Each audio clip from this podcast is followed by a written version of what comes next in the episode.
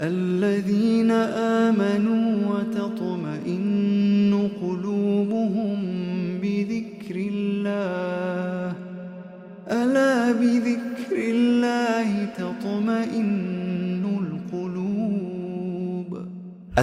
alaikum wa rahmatullahi wa barakatuh. Välkomna till ett nytt avsnitt av Islampodden. Eh, fortsätt dela, likea, subscriba, må Allah belöna er. Vi har nått ut till väldigt, väldigt många människor på det sättet. Och idag har vi med oss en speciell gäst. En väldigt god och gammal vän till mig och, och, och Sheikh Sadiq. Eh, Sheikh Imran, välkommen. Jazakallah khairan. Alhamdulillah, det är väldigt många som har frågat efter dig och det, det här avsnittet skulle vi egentligen ha spelat in i säsong ett Länge. Subhanallah Men bättre sent än aldrig Alhamdulillah. eh, Och det är kul att du har kunnat komma hit till Stockholm för att medverka i det här avsnittet Må Allah belöna dig Amin. Och jazakumullah khairan Sadiq Att du också är med, alhamdulillah Så Uh, avsnitt, ämne. jag tänkte att idag Det som vi har diskuterat länge om att prata om Mm.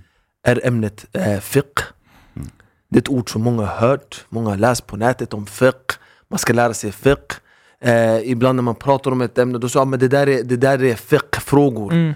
Men så jag tänkte okej, precis som vi gjorde en, ett avsnitt om eh, Koranen och Koranens historia och hur den bevarades och samma sak gjorde vi med hadis och hur hadiser skrevs ner och bevarades Så kände jag att eh, vi måste göra ett avsnitt som handlar om fiqh och hur fiqh skrevs ner och bevarades och hur det var på profetens tid sallallahu alaihi wasallam och efter profetens tid och fram till idag för det är många som undrar och frågar och diskuterar och det är ett stort, stort ämne som vi alla studerade tillsammans ju i, i, i Medina. Hamde, vi hade en väldigt fin tid tillsammans där. Må Allah acceptera. Allahumma amin. Amin, Eh, om jag kan hoppa in med första frågan. Eh, jag vill... eh, det jag undrar är, eller det jag tror folk behöver veta är, du har ändå studerat, eller studerat kanske fel ord, du har forskat i det här i tre års tid nu, Mm. eller mer. Alltså vi har alla studerat det här som Sheikh Musa sa i Medina, men du har valt att fördjupa föry- fördjupa dig i det och forska i det i tre år. Du har till och med skrivit en bok som vi, inshallah, när vi, sen kommer vi lite kanske gå in på det. Kan man se den? Yes. Eh, vi kommer gå in på det sen tror jag, vi kommer komma till den. Men du har till och med skrivit en bok i ämnet, om fiqh, om uh, ikhtilaf, meningsskiljaktighet inom fiqh, om hur man ska handskas med det, om hur man ska förstå de olika rättsskolorna och deras syfte och hur man ska handskas med den frågan. Varför? Vad fick dig att fördjupa dig inom det? Uh, fiqh är ju det största ämnet som faktiskt islam har. Det är det som fyller våra bibliotek mest. Mm. Den har mest böcker.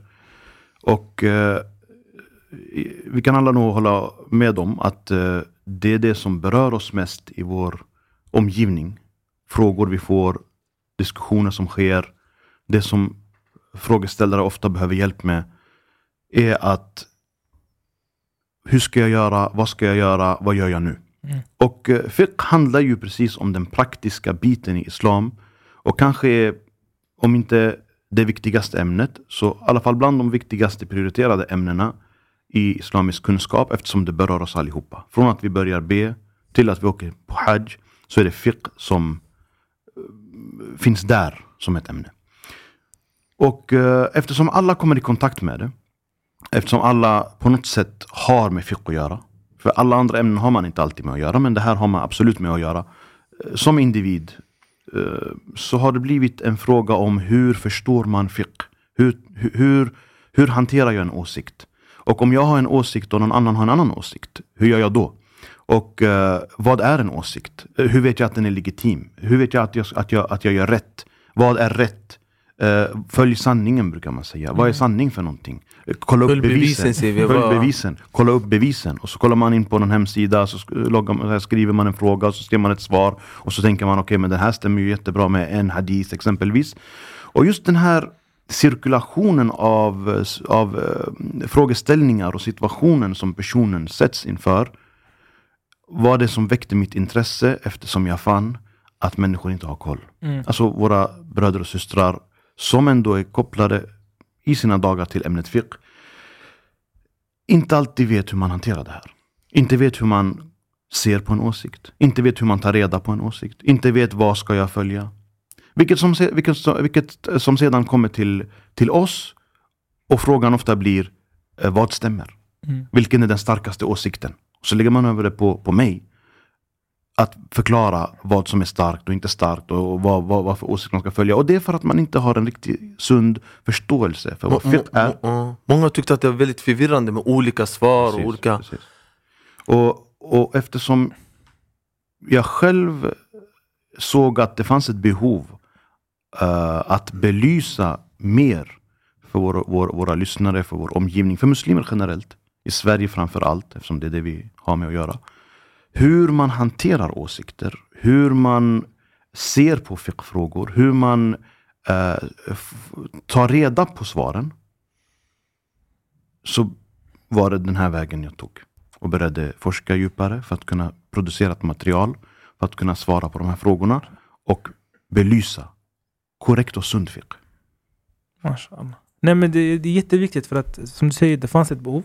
Ehm, och jag tror många till och med när de missförstod kunde till och med tjafsa om åsikter och hamna i konflikter och missförstod stora frågor inom islam. För man har inte korrekta grunderna, man har inte verktygen till att förstå de här sakerna. Jag kan ju säga så här att efter att du fördjupade dig, Jazakallah khair, i det här ämnet och de syskon som har kommit i kontakt med dig har ganska en bredare förståelse av saker och ting. Mm. Tillsammans med din bok, tillsammans med dina lives på Instagram och dina föreläsningar på Youtube och så vidare. Folk har ju, alhamdulillah, de som har kommit i kontakt med din eh, utlärning har ju förstått viktiga saker och det är väl det, därför vi ville ha dig här så gärna på podden att vidga vyerna till folk inshallah. Men om jag kan, alltså nu har vi ändå nämnt ordet fiqh, fiqh. Men vad är ens fiqh? Du sa att det är saker som berör oss under vår vardag och vi alla är i behov av det och så vidare. Men vad är fiqh ens? Fiqh på arabiska betyder förståelse. Förståelse. Mm, Att förstå någonting. Och eh, i det här sammanhanget så pratar man om djupare förståelse, uppfattning som har med en insikt och en helhetsuppfattning att göra. Eh, sedan kan även fiqh innebära domar i islam. Mm. Det som vi i sharian kallar för lagarna. Alltså domarna, gör, gör inte, ska, ska Halal, inte. Halal och haram. halal och haram. Det här kallas också för fiqh. Och eh, det är väl oftast den, den, den innebörden som, som, som vi menar när vi säger fiqh och fiqh i islam. Vi pratar om kunskap om en dom eller domen och var den kommer ifrån. Exempelvis om jag skulle fråga så här, bryter det här min tvagning? Är det här en fiqh-fråga? Kommer absolut- säkert någon undra. Det här är absolut en en fiqh. fiqh-fråga. Nu finns det mm, en, en lättare metod att få till sig den här formen av fiqh och det är att kunna svaret. Det är också en del av fiqh-kunskaper. Att lära sig det här bryter wudu. Och sen finns det ytterligare fördjupningar där, där, då, då man går in på uh, varför, vad ligger bakom det här svaret, vad har det för grund, för bevis och belägg. Så det är fiqh. Så när det kommer till fiqh, man pratar alltså inte om exempelvis troslära, islamisk troslära. Vi har ju pratat lite om aqida, ordet aqida. uh, det, det är inte riktigt det vi syftar på när vi menar fiqh. Nej. Uh, Aqida kan man säga har med, med den teoretiska biten att göra i hur vi tror, hur vi ställer oss och hur vi uppfattar saker som har med trosläran att göra. Mm. Medan fiqh nästan från början till slut handlar om den praktiska delen av en muslims liv. Hur man gör, vad man gör, när man gör. Sen kan fiqh som sagt vara djupare än så. Där det handlar om hur man kommer fram till vad som har varit underlag till vad som har gjort att det här blivit svaret. Och det är oftast där vi kommer in på de här diskussionerna som vi har just nu. Men för att få en kortfattad beskrivning av vad fiqh är som ett ämne i islam så är det kunskaper om domar och möjligtvis varför. Kunskaper om domar och varför. Okej, vilka ämnen? Kan du ge lite exempel på ämnen som tas upp när man ska studera fiqh eller när fiqh lärs ut? Vi kan dela upp ämnet fiqh, även om det finns olika former av uppdelningar och olika beskrivningar lite för att göra det så simpelt som möjligt. Men eh, man kan dela upp ämnet fiqh i två kategorier. Det som har med dyrkan att göra, som till exempel bönen och det som tillhör bönen, fastan och det som tillhör fastan, hajj, det som tillhör hajj, zakat och hur man ger zakat. Och vissa saker som har med det att göra. eh, som, som är egentligen enbart eh, grundad på en lydnad och underkastelse av Allah och, hans, och, och att följa hans profet sallallahu alaihi wasallam. Eh, där, där, där, där, där det inte handlar om där det inte handlar om någon typ av relation egentligen, utan det handlar om, om din relation med Allah och hur du gör och uttrycker din religion.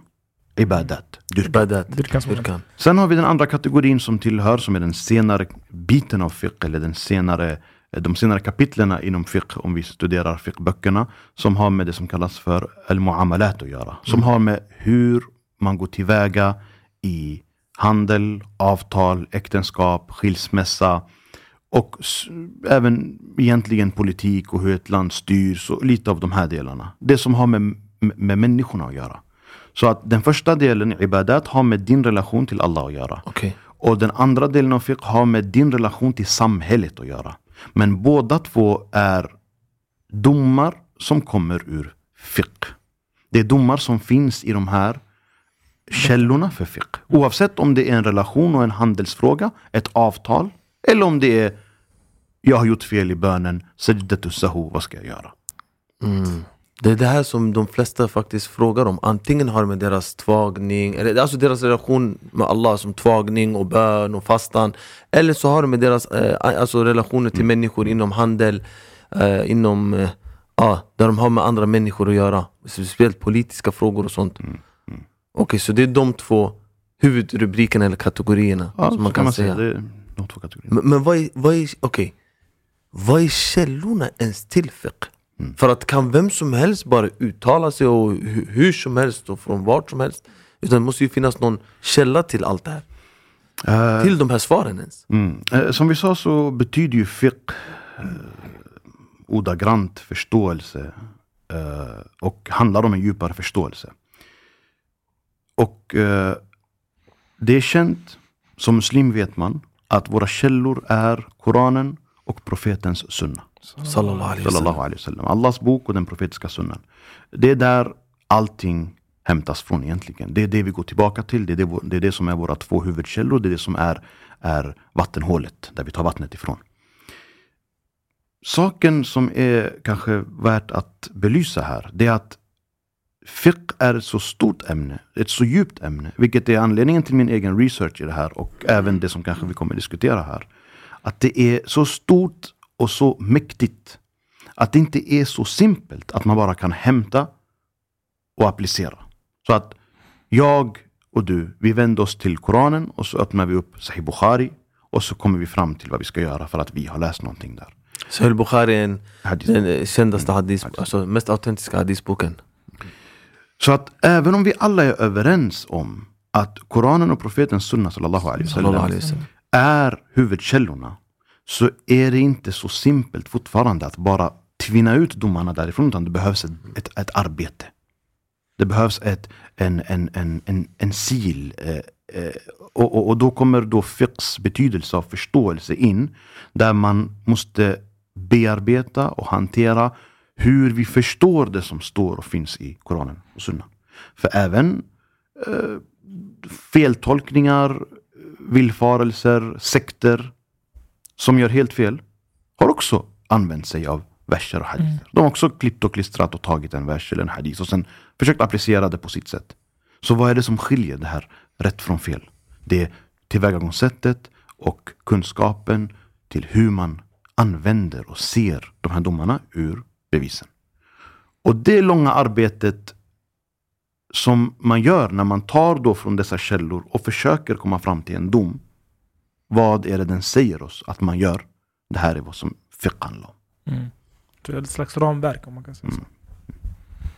S- Sen självklart så finns det ju fler bevis om man säger så. Det är någonting som kanske kan vara viktigt att, att, att, belysa. Det är att när man säger så här, jag, jag följer bevisen, jag följer bevisen, jag kollar upp bevisen.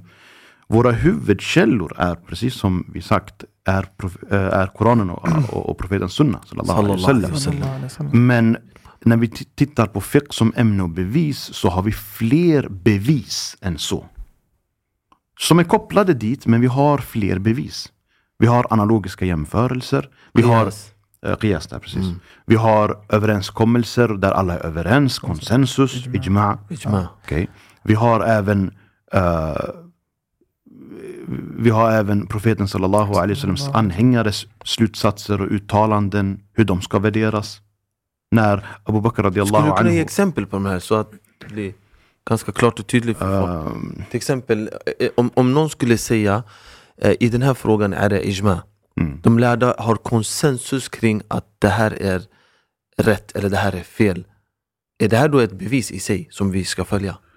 Absolut. Eh, bland de bevisen som är bestående och självklara i islam är konsensusen. För profeten sallallahu alaihi wasallam sa att hans umma kommer aldrig komma överens över Hans någonting. Ja. Hans nation kommer inte vara över, komma överens över någonting som är villfarelse. Alltså kommer man komma överens över det som är gott. Och Sahaba var exempelvis bara så simpelt som överens om att Abu Bakr radiallahu anhu skulle vara den första khalifan, leda muslimerna och ta ledarpositionen. Det är ingenting som vi egentligen hittar ett, ett, ett tydligt bevis på ifrån Koranen där Allah skulle säga att Abu Bakr ska vara ledaren. Vi har ingen hadith egentligen, även om vi har indikationer som kan tyda på det här. Så har vi inte tydliga hadither där profeten Ali ska ha, ska ha mm, sagt att Abu Bakr radiallahu anhu ska leda muslimerna. Men muslimerna kom överens om det. Och var överens. Och den här överenskommelsen, den här konsensusen är ett bevis i sig själv och gör en, utgör en giltig dom. Så bara genom det exemplet så har vi egentligen kommit fram till att okej, våra källor är Koran och Sunna. Och vi fick reda på från Koran och Sunna att muslimernas överenskommelse, muslimernas konsensus också utgör ett bevis. Och så har vi ett exempel på det här. Mm. Och det här kan också finnas inom frågor eh, i, i, i fiqh också. Det finns frågeställningar som, som faktiskt alla muslimer är överens om. Som kanske inte har en självklar och tydlig hadith. Som till exempel, om jag minns rätt nu, att den som svimmar tappar sin wudu. Det här är muslimerna överens kring. Konsensus kring att den, den som tappar förståndet och svimmar tappar sin wudu. Därmed blir det en fråga och därmed blir det också en, ett bevis. Men om du skulle öppna Koranen och kolla i Koranen så kanske, inte- kanske du inte kommer hitta svar på det. Har du något exempel? på Du nämnde vad säger ni det här med analogi, qiyas? Finns, Mm. Hur kan det se ut som ett exempel? Uh, profeten sallallahu alaihi wasallams exempel kanske, kan- kanske är den uh, simplaste att använda. Där en person kommer och frågar profeten alaihi Alaihissalam. om, om, om hon kan göra hajj för sin mamma. Och då säger profeten salatu wassalam, han säger om, om man hade haft en skuld skulle du kunna betala den. Så säger ja. Så han säger så kan du göra hajj för honom också. Så profeten salatu wassalam har, har jämfört möjligheten att kunna göra hajj med att be, betala en skuld för någon som har en skuld kvar.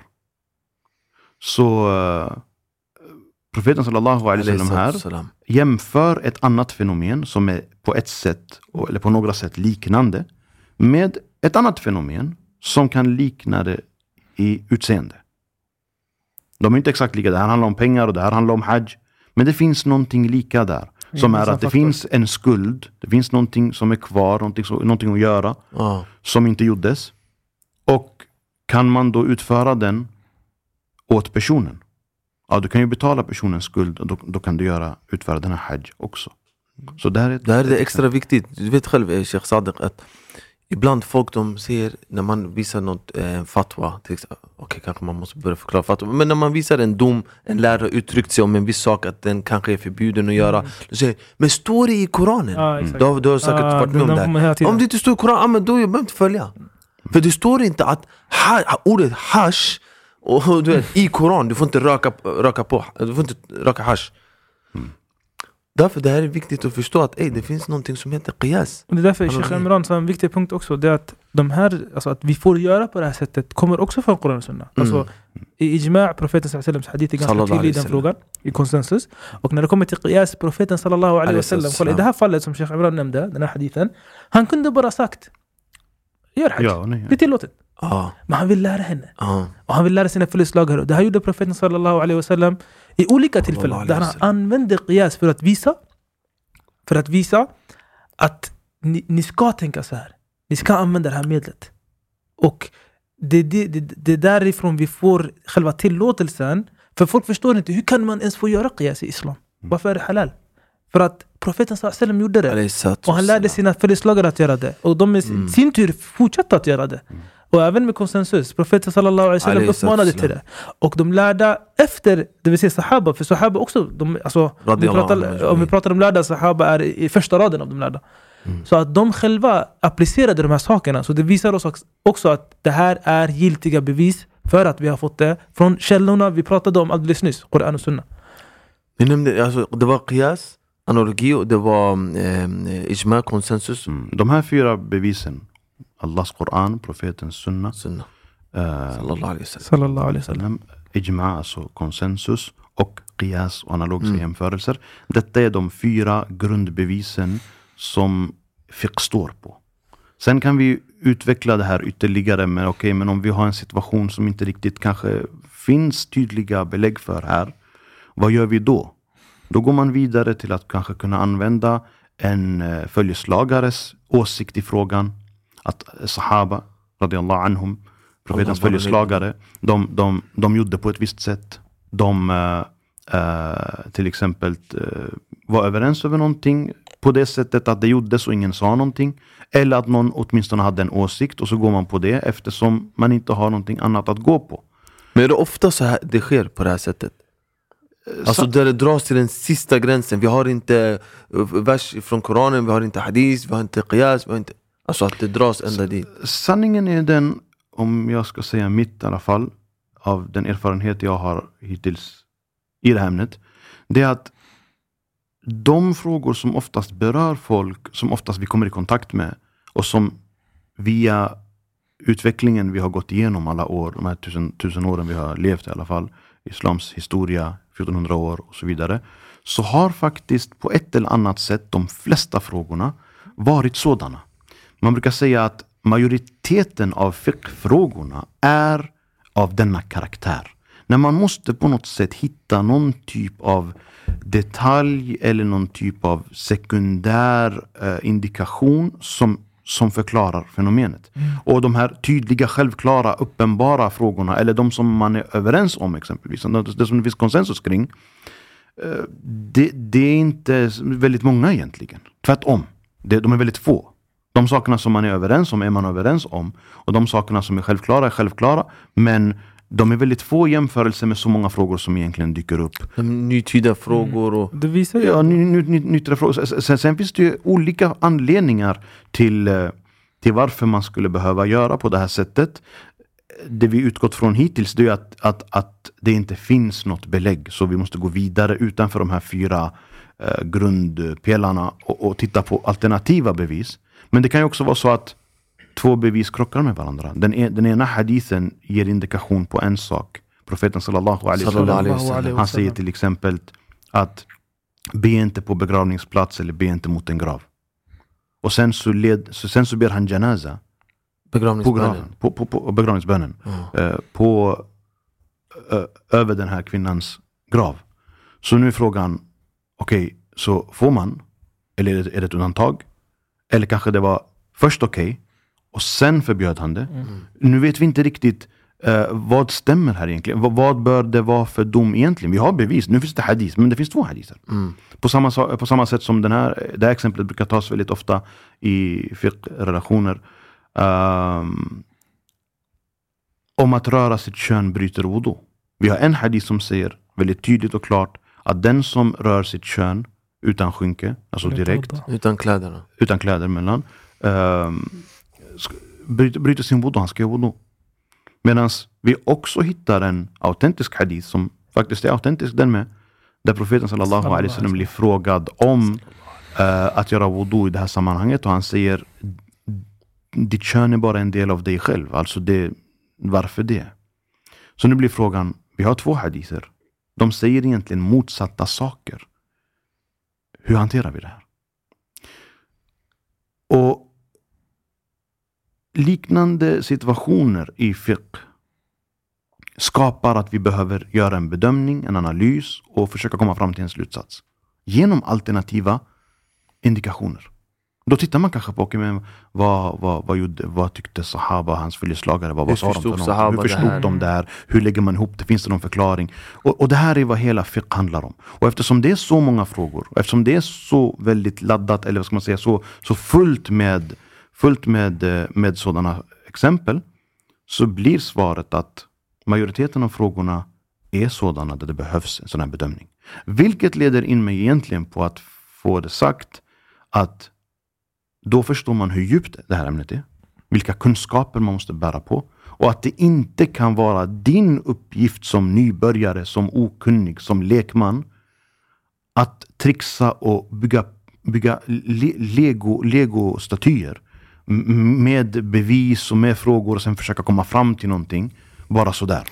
Så till exempel en, låt säga en ny muslim eller ny praktiserande eller någon som inte har mycket kunskap i islam.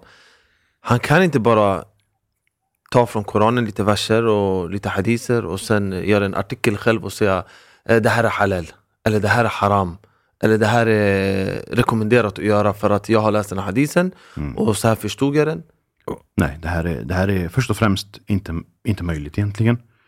Det är bara en föreställning han har att han har, försökt, han har, han har kommit fram till någonting. Och det, det är inte tillåtet heller. Får jag, får jag dra det längre? Ehm, för det här är, det där är kanske det är inte så vanligt. Det som är vanligt är, jag undrar över en fråga. Mm. Och jag sitter och tänker, ah, men det finns två åsikter här. Jag ska forska i frågan. Mm. Låt mig kolla upp det. Så jag googlar lite, jag läser deras bevis. Jag läser deras bevis. Eller jag får en artikel skickad till mig som har förklarat allting, alla åsikter. Och jag sitter hemma och tänker, ah, men du vet åsikt nummer tre, den verkar stämma. Det är den som är den korrekta åsikten. Får man göra så? I den begränsade kapacitet man, man sitter i, alltså den, den, den okunskap man faktiskt bär på, gör det självklart att så får man absolut inte göra. Och, och det finns inget ämne någonstans i hela världen, inom en specialisering, inom en fördjupning, som man överhuvudtaget får göra så alls. Som läkare, som mekaniker, du kan aldrig göra så. Mm. Du får inte göra så. Eh, och då nu pratar vi om islam, vilket är det viktigaste i våra liv. Vi pratar om det som eh, är syftet med, med skapelsen. Vi pratar om den värdefullaste kunskapen, den ädlaste, den mest respektabla. Den kunskapen som egentligen är den som tar dig till paradiset. Om du gör rätt och agerar och följer. Så ska, du, ska, man, ska man sätta sig i att ge sig själv en sån befogenhet, en sån rättighet att försöka komma fram till slutsatser själv. Precis som Sadek nämnde, att man tittar lite på vad, vad säger de första, vad säger de andra, vad säger de tredje. Och, och, och, och, och det här har ofta tar ungefär 18 minuter. Max. När man, har tittat, när, när man har kommit i kontakt med folk som faktiskt tittar upp frågan och sen bedömer de här fyra åsikterna och sen via att ha läst på den här hemsidan kommer fram till att en av de här bör vara mest korrekt själv. Då har det tagit 18-19 minuter och det är en diskussion som har varit en diskussion i över tusen år. Okej, men eh, jag, vill, jag, vill, jag har lite andra frågor men okej, frågan som kommer ställas nu är ju Vad ska den personen göra då? Vad ska personen göra? Om du säger att man ska inte göra på det här sättet Vad ska man göra då? De vill ha svar, en person sitter nu hemma. Han vill ha svar nu om en viss fråga. Han googlar upp Han läser på en eh, fatwa hemsida, alltså en sida där lärda har lagt sina uttalanden eller domar Typ så här, bryter det här min wudu? Han kommer komma upp till flera hemsidor kommer dyka upp Eller han frågar en sheikh eller liknande Vad ska han göra? Vi är inte emot att en person söker upp. Vi är inte emot att en person tar reda på. Vi är emot att en person försöker värdera och bedöma själv. Och det är två olika saker. Att du tar reda på vad en lärd som du har tillit till, en rättsskola som du har för- förtroende för säger. Och går på det för att det är det som du känner ändå är närmast eh, ditt förtroende. Det som du är kapabel till att åtminstone följa och, och, och veta att ah, men nu, är jag, nu är jag i säkra händer. Så är det helt okej. Så att om du har kollat upp och vänt dig eller fått ett svar eller tittat upp ett svar från någon som du har ett förtroende för kunskapsmässigt. Som du ger över egentligen eh, den rätten att kunna ta beslutet åt dig för att den är berättigad. Så, så är det helt okej. Det, det är så du ska göra. Allah säger fas'alu ahla dhikri in kuntum la ta'lamun. Fråga folket av kunskap Om ni inte om ni inte vet. Så det är frågandet av den som har kunskapen som du eh, har förtroende för. Det är det det handlar om. Det är den uppmaningen egentligen Allah har gett oss som, som inte är kapabla att, att göra det här, eller som inte är på den nivån. Det här är egentligen den enda uppgiften du har.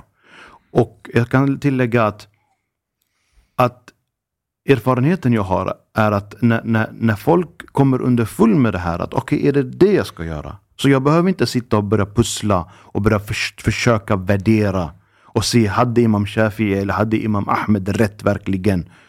Det släpper en hel tung börda börda, över sig. För att man har satt sig i en situation där man gör ett arbete som våra fuqaha, våra rättslärda har gjort i tusen år. På grund av att de var det de var och de var, Utan verktygen till det egentligen. de, de, Ja. de var fullärda.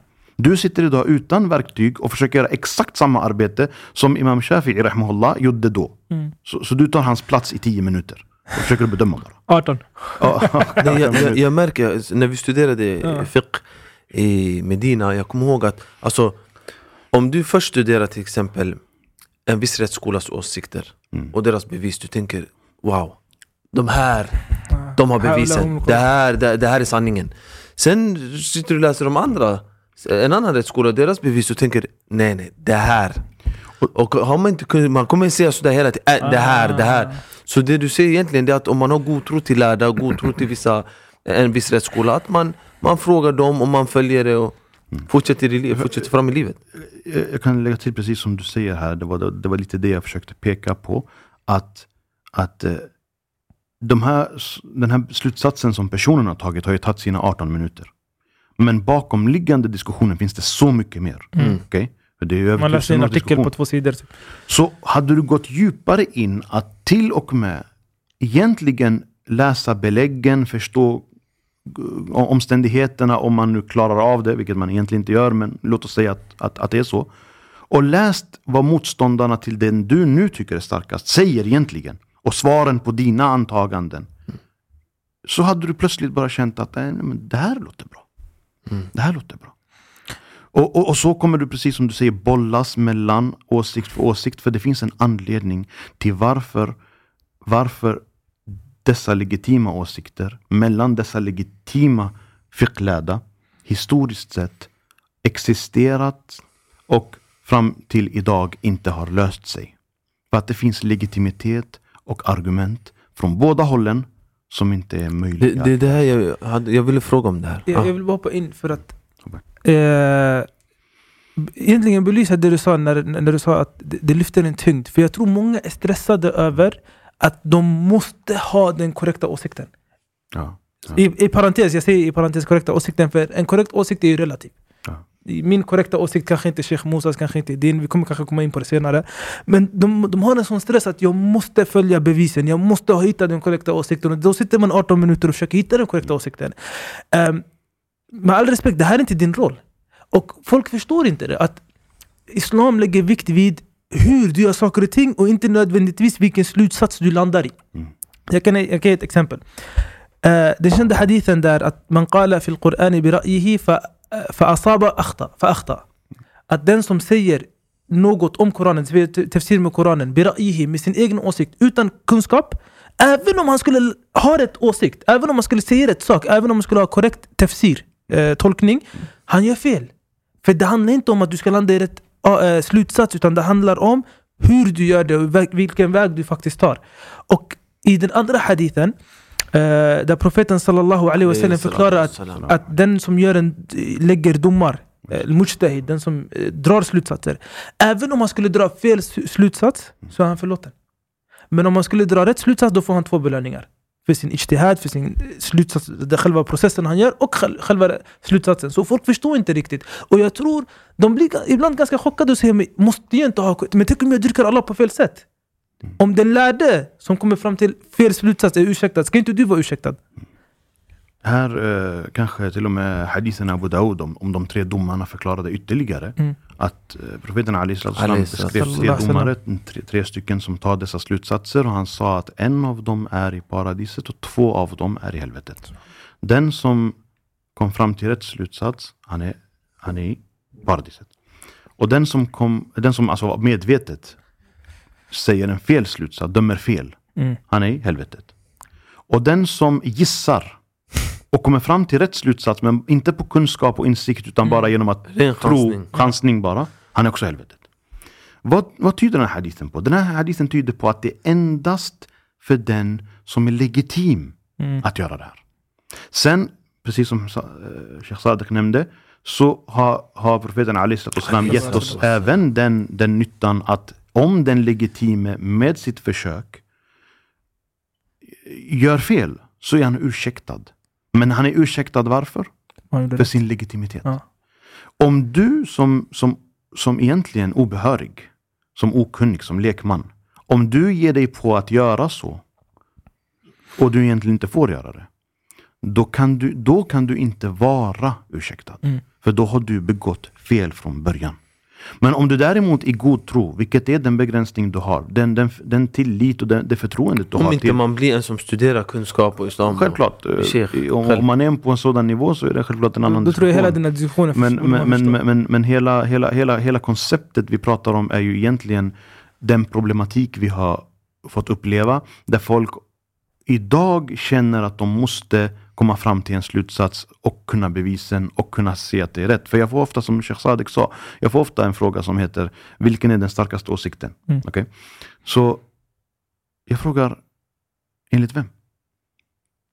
Enligt den som agerar på den ena hadithen vi nämnde, som bryter wudu för den som rör sitt könsorgan, Mm. för honom är det här Det är den starkaste åsikten. åsikten. Och för de som agerar på den andra hadithen, som det inte bryter wudu med, som också lägger till att ja, men det här var eh, under tiden i Kufa, den största staden som fanns på den tiden. Det var huvudstaden i det muslimska, eh, i det muslimska samhället på den tiden. De här imamerna levde under Sahabas tid. Ali radiallahu anhu flyttade huvudstaden till Kufa.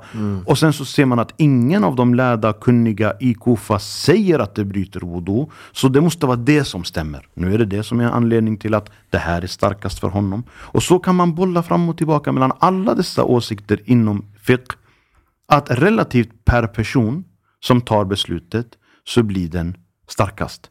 För jag, jag frågar, när en, när, en, när en lärd säger att någonting är på ett visst sätt eller att det här är domen som gäller. Så gör han det endast på grund av att han tror att det här är starkast. Han skulle aldrig säga det annars. Mm. Och hur kan vi då ha andra som säger andra saker? Jo, för att de De tycker att det är starkast. Så det är en fullständigt relativ diskussion. Det är en fullständig relativ tes vi pratar om. Starkaste åsikter. Så sanningen är att det finns inte starkaste åsikter förutom att det är en bedömning. Det är en individuell bedömning av en lärd som tycker att den är starkast. Och sanningen är det att att verkligen inom sådana frågor, det finns olika åsikter om inom detta område av det som kallas för ijtihad, där man försöker komma fram till en slutsats, där en lärd försöker komma fram till ett svar. Så, som, som, som, som min bok handlar om. Mm. eh, så, så är att verkligen kunna svära vid att det här är den korrekta åsikten. Det här är att känna till ghaib, det dolda. Du vet inte. Annars hade det inte varit olika åsikter. Hade vi verkligen vetat inom det, dessa ramar vad som är den korrekta åsikten så hade det inte funnits oenighet. Då hade våra lärda i historien inom detta ämne inte varit oeniga. Men oenigheten, meningsskiljaktigheten inom dessa frågor fanns på profeten Sahabas tid. Det var, det, eh, det var det här jag ville fråga. Alltså, hur, började, hur, hur såg fiqh ut ens under profetens tid? Sallallahu alaihi wasallam. Och sen hur fortsatte det till sahabas tid? Alltså följeslagarna må Allah vara nöjd med dem och sen efter dem fram till idag. Hur, hur har den här utvecklingen sett ut? Det är en bra fråga och genom att förstå denna utveckling ökar respekten för fiqh och, och, och, och, och, och vad den har för roll. Och under profeten sallallahu alaihi wasallam så var ju profeten sallallahu alaihi wasallam själv ett, ett, ett levande bevis. Han i sig själv var bevis. Han i sig själv, det han sa och det han gjorde blev bevis. Hade man någon oenighet så vände man sig till honom och det blev klart. Man gick direkt och frågade profeten frågade. Och, och så, så, så utreddes saker. Så fiqh var inte större än att profeten sallallahu alaihi wasallam. lärde folk hur de skulle göra. Svarade på situationer. Men att lägga till här är att det dök upp situationer där profeten Alaihi salatu följeslagare behövde försöka komma fram till en slutsats ibland. Mm. Det har hänt. Det, det är inte som att det inte hände, det fanns situationer. Ett sådant exempel är den kända hadithen i Sahih Bukhari där profeten sallallahu alaihi wasallam ber hans följeslagare att ni ska sannerligen försöka översätta så tydligt och ordagrant eh, som möjligt så att ska, man ska förstå sammanhanget. Ni ska sannerligen be salat al-asr, asrbönen, när ni kommer fram till Bani Qurayza området. Ni ska sannerligen be asr där. Så dessa följeslagare tog sig på den här resan och var på väg däråt. Under tiden Eftersom det kanske inte gick så snabbt som det var planerat eller någonting annat eh, kan ha hänt eller något liknande, det känner vi inte till. Så blev det så att Asr, Salat al-Asr, Asrbönen, eh, den höll på att gå ut. Tiden höll på att rinna ut. Under tiden de var på resan. De var inte framme, de skulle inte komma fram. Och eh, Asrbönen skulle gå ut. Maghrib skulle gå in. Solen skulle gå ner. Nu vet vi också samtidigt, vilket Sahaba känner till, att profeten Ali sa att den som lämnar asrbönen tills det att tiden går ut kommer få alla sina handlingar förstörda. Okej, det, det, det, det, det är en stor, stor, stor sak. Mm. Vi vet att tolkningen på Salat al-Wusta, alltså den mittersta bönen, är Salat al-Asr, enligt majoriteten. I samband med versen. I samband med versen. Ja, och alltså, Bevara bönen och bevara- särskilt den mittersta bönen i Precis. al-Baqarah. Precis, bevara bönen och den mittersta bönen. Nu att bevara den mittersta bönen är nämnt specifikt för att den är unik på det sättet att det kanske, som vissa lärare förklarar, det är en svår bön att verkligen hinna med kanske på grund av att man är upptagen med mycket sådana saker. I alla fall, oavsett anledning, så är det en bön som är utpekad att ta väldigt vara på och inte slarva med. Okej. Det känner dessa sahaba till. Nu håller, nu, nu håller tiden på att gå ut. Så det blir en diskussion mellan dem. Vad var det profeten sallallahu Sallallahu alaihi wasallam. menade? Menade han egentligen skynda på så att ni hinner be salat al-asr i Bani Qurayza? Mm. Eller menade han verkligen att oavsett om tiden går ut, asr blir försenad, maghrib går in, så ska ni be den där i vilket fall? Vad betyder hans hadith? Vad betyder hans ord? Och det här är också någonting som kan vara viktigt att komma ihåg. Orden är en sak, betydelsen Meningen. är en annan. Vad han menar. Det är det här som fiqh går in på lite. Som oftast folk inte tänker på. Det handlar inte bara om att kunna lägga fram en hadith och en text bara. Det handlar om att förstå vad det innebär också. Och här blir det då en konflikt gällande vad det innebar. Vissa av följeslagarna gjorde sin, sin, sin bedömning, bad Salat al-Asr i tid på plats.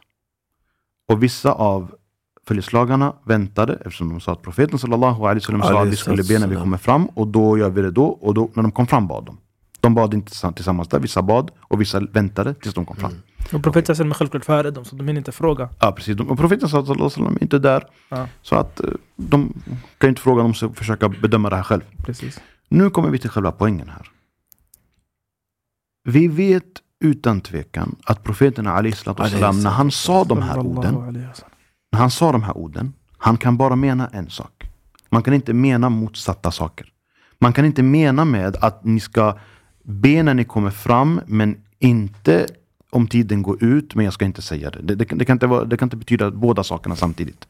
Så profeten salatu wasalam, i de här två fälten av tolkningar, så måste det ha betytt en sak. Okej?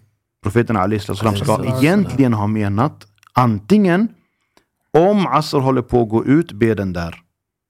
Och vänta inte. Eller oavsett om Salat al-Asr går ut eller inte, så ber den när ni kommer fram. Det är två möjligheter och han måste ha menat en av dem. Men nu när sahabarna, profetens följeslagare, radiallahu anhum, kommer fram och det här förklaras för profeten sallallahu alaihi wasallam, så ger han dem inte ett svar på vad det var som stämde. Han sa, ni har gjort gott båda två. Och vad lär oss den här hadithen? Den lär oss att de här bedömningarna, det här, den här ijtihaden som det heter, det här som är, som är, vad ska man säga, kärnan till ämnet fiqh. Det är någonting som kommer att se ut på det här sättet de den ena av dem ansåg att det var den starkaste åsikten. De andra av dem var, ansåg att det var den starkaste åsikten. De hade gjort sitt bästa. De hade legitimitet. De hade kunskaper att bedöma det här på. Och så blev det som det blev. Och profeten sallallahu alaihi wasallam egentligen, även fastän vi är alla överens över att han menade en sak att göra. Mm. Men han var okej med båda två eftersom det grundar sig på en bedömning. Och han gick inte in på att förklara vilket av det som stämde. Och han var inte heller eh, på, på att de skulle be om eller att de skulle göra någonting åt saken. Utan det här var legitimt och giltigt båda två. Vad är det jag vill komma fram till? Att det här är det tydligaste exemplet på när, trots att vi har en hadith, det blir olika åsikter. Det blir en tolkningsfråga. Sahaba, på sahabas tid, inte bara sahabas tid. Det är under profeten sallallahu alaihi. Salam. Det är under hans tid, fortfarande blir det oenighet Mm. i en sån här karaktär, i en sån här fråga. Och profeten sallallahu alaihi wasallam lär oss en sak. Vi har respekt för båda slutsatserna. Mm.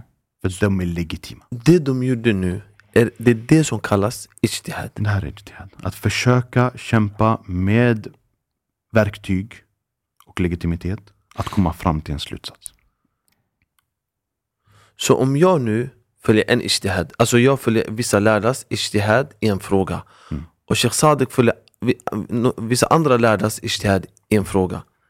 Eh, Nej, i, i samma fråga, Mm. säger vi. Men han följer En annan. en annan åsikt. Det finns ingen, alltså vissa tjafsar ju med varandra, alltså de bråkar ju nästan med varandra när det kommer till att någon följer en annan åsikt kring, kring en viss sak. Och så blir det tjafs och debatter och kanske man till och med slänger ur sig fula ord och, och, och Anklagar varandras avsikter. anklagar varandra för vissa saker. Men egentligen i själva verket så är båda legitima. Så länge det i en, kring en sådan fråga som har denna möjligheten, en fiqh-fråga, en, Ja. en bedömningsfråga, en ijtihad-fråga som det kallas. Inom ramarna för möjligheten till det. För vi måste ändå tillägga att allting inte är sådana.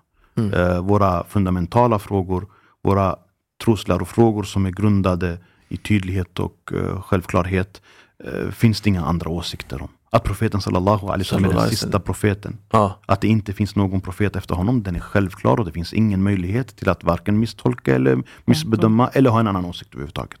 Så att fundamentala självklara frågor är alltid självklara och det är inga tvetydigheter kring dem. Men nu pratar vi om de, de frågorna som är legitima att ha olika åsikter kring i och med att de mm, ligger på en bedömningsgrad som fiqh i grund och botten gör i, i det här sammanhanget. Och då hela min bok och hela, hela det här arbetet som jag har gjort har varit baserat på en enda sak som väldigt många fuqaha, väldigt många lärda har, har, har talat om, vilket jag har, då har jobbat fram. Fuqaha, det är de som är mer specialiserade inom, Ja. inom. Rätts, rättslärda.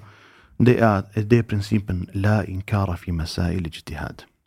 Eller La inkara fi masail khilaf. Att man avvisar, tjafsar och anklagar inte varandra i sådana här frågor. Olika åsikter. Du tycker en sak, han tycker en sak, eller han följer en sak, du följer en sak. La inkar. Man avvisar inte varandra. Man respekterar varandra. Du kan tycka att det där är vad jag följer. Den kan tycka att det där kanske är vad jag följer. För de lärda bakom som de står för att följa, de har ju kommit fram till det här på grund av att de tror att det här är starkast, det är det vi kom fram till nyss. Men trots det, la inkara fi masail. Vi avvisar inte varandra. Och sen när du tog upp även det här med att tjafsa och diskutera. En person som inte har kunskap har inte rätten att diskutera. En person som inte har belägg och kunskap får inte argumentera för frågor. Och varför en person här i det här sammanhanget följer en lärds slutsats är på grund av att den inte kan. Den har inte kunskap. Eller hur? Så redan där faller motivet att kunna argumentera i frågan eftersom du får inte det. För att du har inte kunskaper.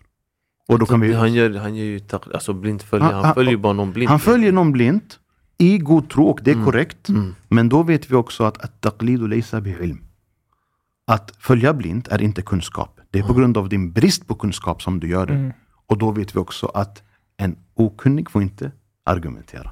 Så där faller tesen. Du ska inte anklaga. Du ska inte tjafsa.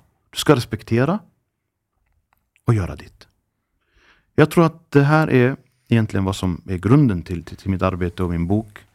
Och eh, så vitt jag vet har det här lyft stenar från axlar. Hos de som har förstått det här. För att de har förstått vad det är som krävs av dem. De har förstått vad det är de behöver göra.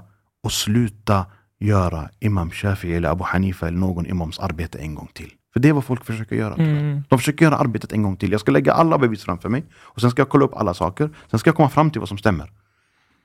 Men, men, men då, då, då, då är det ju bäst att du igen blir vår tids Imam Shafi. Så kan vi fråga dig istället. För du gör ju Så- samma arbete en gång till. Så att, ja. Nej. Som jag har förstått rätt, under profetens tid, wassalam, så kunde man direkt gå till profeten, självklart, det är ju också logiskt, att man kunde, hade man en fråga, man gick direkt till profeten, wassalam. Och ibland, i vissa tillfällen kunde det hända att profeten sallallahu alaihi wasallam sa någonting till dem, men de var inte kanske vid det tillfället sen senare bredvid honom och gjorde ijtihad i det som han hade sagt. Vi har väldigt få antal exempel på det egentligen. Men det finns och det kan det var bra att belysa. Men i, helhet så har profeten sallallahu alaihi wasallam funnits där som källa. Och om någonting skulle vara fel som sker under hans livstid så kommer Allah subhanahu wa uppenbara en tillrättavisning för en sådan sak så att det blir rätt. För det är profetens wassalams uppgift att förmedla det som är korrekt. Så det var hans uppgift och han var källan och han var beviset och man tog den från honom om det fanns någonting man behövde fråga om. Så såg fiqh ut på profetens tid. Sallallahu alaihi wasallam. Jag, hade, en- jag ville eh, spinna vidare på det här. Okej men efter profetens tid då? Wassalam. Vad hur gjorde de då? Sahaba, när, det var, för, när följeslagarna var där? När, när de styrde, när de alltså, tog över? Efter profeten sallallahu Sallallahu alaihi wasallam. efter hans död, så låg ansvaret på profetens följeslagare. Att komma fram till gällande dom i sådana frågor som dyker upp. Och precis som vi har nämnt innan så har de haft utgångspunkten att gå tillbaka till våra källor, våra huvudkällor, Koranen och profetens sunna. Och de har försökt sitt bästa med att komma fram till vad som bör göras, hur man bör göra eller vad som gäller genom att vända sig tillbaka dit. Vissa frågor kanske inte fanns tydliga svar på även i, som jag nämnde i, i Koranen och profetens sunna heller. Alla svar är tydligt inte där. Alla svar indikatoriskt finns där. Allah har uppenbarat det som räcker. Men direkta svar kanske inte finns. Så då blev de tvungna att förlita sig på vissa element för att komma fram till sina slutsatser. Som till exempel behovet av att samspråka mellan varandra och komma fram till en slutsats som ska gälla blev mer behövligt. Och där skapades också legitimiteten och användandet av konsensus. Även om profeten sallallahu alaihi wasallam under sin livstid och Allah i Al-Quran eh, indikerat legitimiteten av konsensus. Profeten sallallahu alaihi wasallams fol- eh, nation, hans umma kommer inte, kommer inte komma överens över någonting som är villfarelse. Och Allah subhanahu wa talar om de som går emot det som de troende är överens om.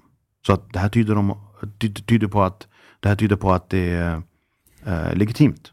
Och nu var man i behov av det mer. Mm. Nu behövde de följeslagarna som var aktiva. För det är också kanske någonting som oftast inte alla har en bild av. De som var ska vi säga, de som var i- första ledet i de här fiqh-frågorna och bedömningar, det är inte alla sahaba. Vi pratar om över 140 000 personer i så fall.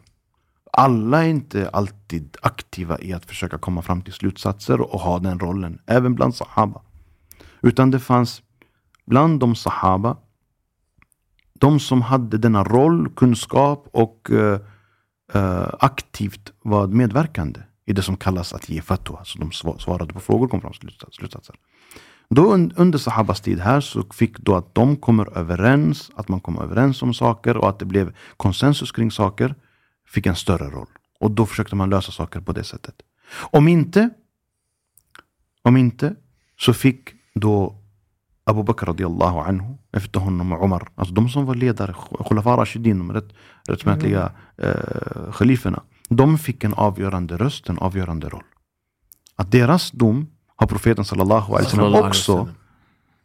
Indikerat att vi ska följa. Alaykum bi sunnati wa sunnat al khulafa.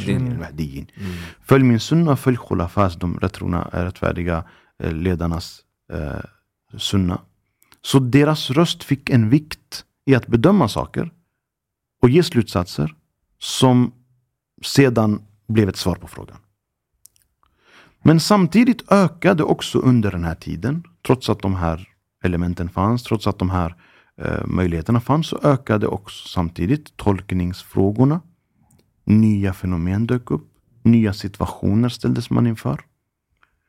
Och då också olika åsikter började dyka upp mer och mer. Eftersom nu kunde man inte gå tillbaka till profeten sallallahu alaihi wasallam och, och reda ut det här i ett gemensamt svar. Utan nu fick man tolka, bedöma och komma fram till att så här gör vi. Och då kunde man skilja, på, skilja, skilja, skilja sig i slutsatser. Och så Sahaba radiallahu anhum här skilde sig i flera frågor. I många saker finner vi att de skilde sig kring i hur man gör och inte gör, hur man bör göra eller vad som gäller och inte gör, gäller.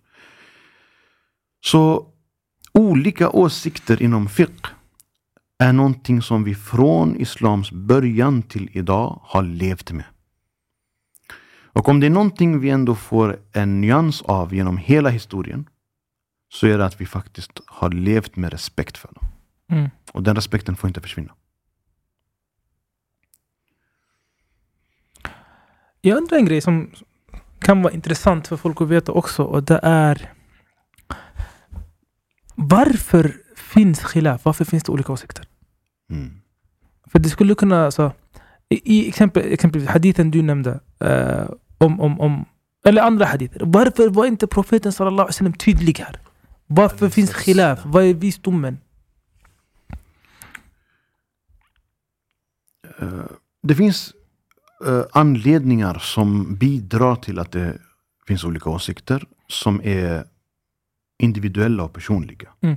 Som att människor, eftersom de här bedömningarna som sker i fiqh är ju bedömningar av människor. Mm. Och det här är någonting som folk ändå kanske behöver ta med sig. Att bara för att en text finns, bara för att det finns ord på papper, så betyder det inte att saker är självklara eftersom vi ändå måste som människor tolka dem. Mm. Vad säger de? Eller? För det, det är ju det vi här, exemplet med, de- med, med, med, med Salat al-Asr, med Asrbönen. Det är ju det vi har som ett exempel. Orden fanns där, hadisen var tydlig, båda kom ihåg den, alla kunde den utan till. Men vad den innebar blev diskussionen. Mm. Så nu kommer vi in på att vad kan då vara bidragande till att det sker olika åsikter? Ibland är det brist på bevis och kunskaper. Man kanske inte känner till någonting. Och Det här brukar ofta nämnas som, som, som det första exemplet av anledningar till varför det uppstår olika eh, åsikter. Att de kanske inte fick tag på beviset. Jag brukar lägga till att Visst är det en anledning och någonting som har varit bidragande till att det finns olika åsikter. Att kanske den ena alimen, den ena lärde som bedömde den här frågan inte kände till den här hadithen och den andra kände till den. Det har vi en del exempel på bland sahaba, speciellt för vissa kunde vissa hadither som andra kanske inte hade hört. Så visst är det en legitim anledning och någonting som går att förstå.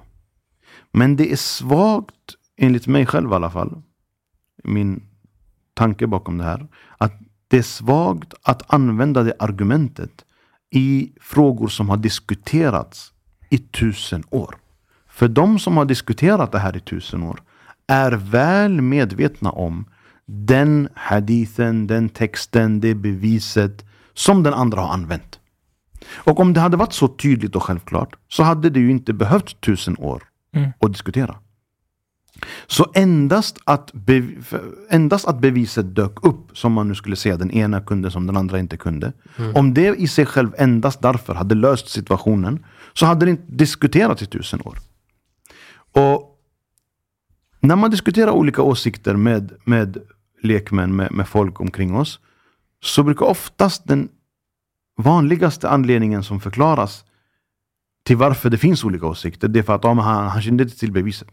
Ja, Imam Abu Hanifa kanske inte kände till hadithen, beviset, exempelvis.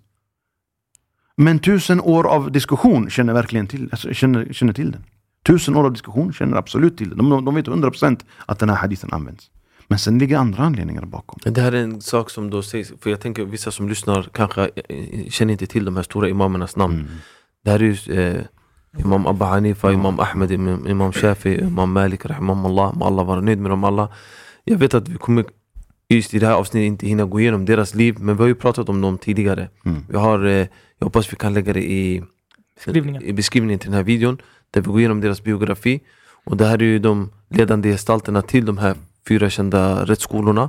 Och det här är en punkt som de kanske säger emot Abu Hanifa att ah, han kände inte till beviset. Mm. Precis.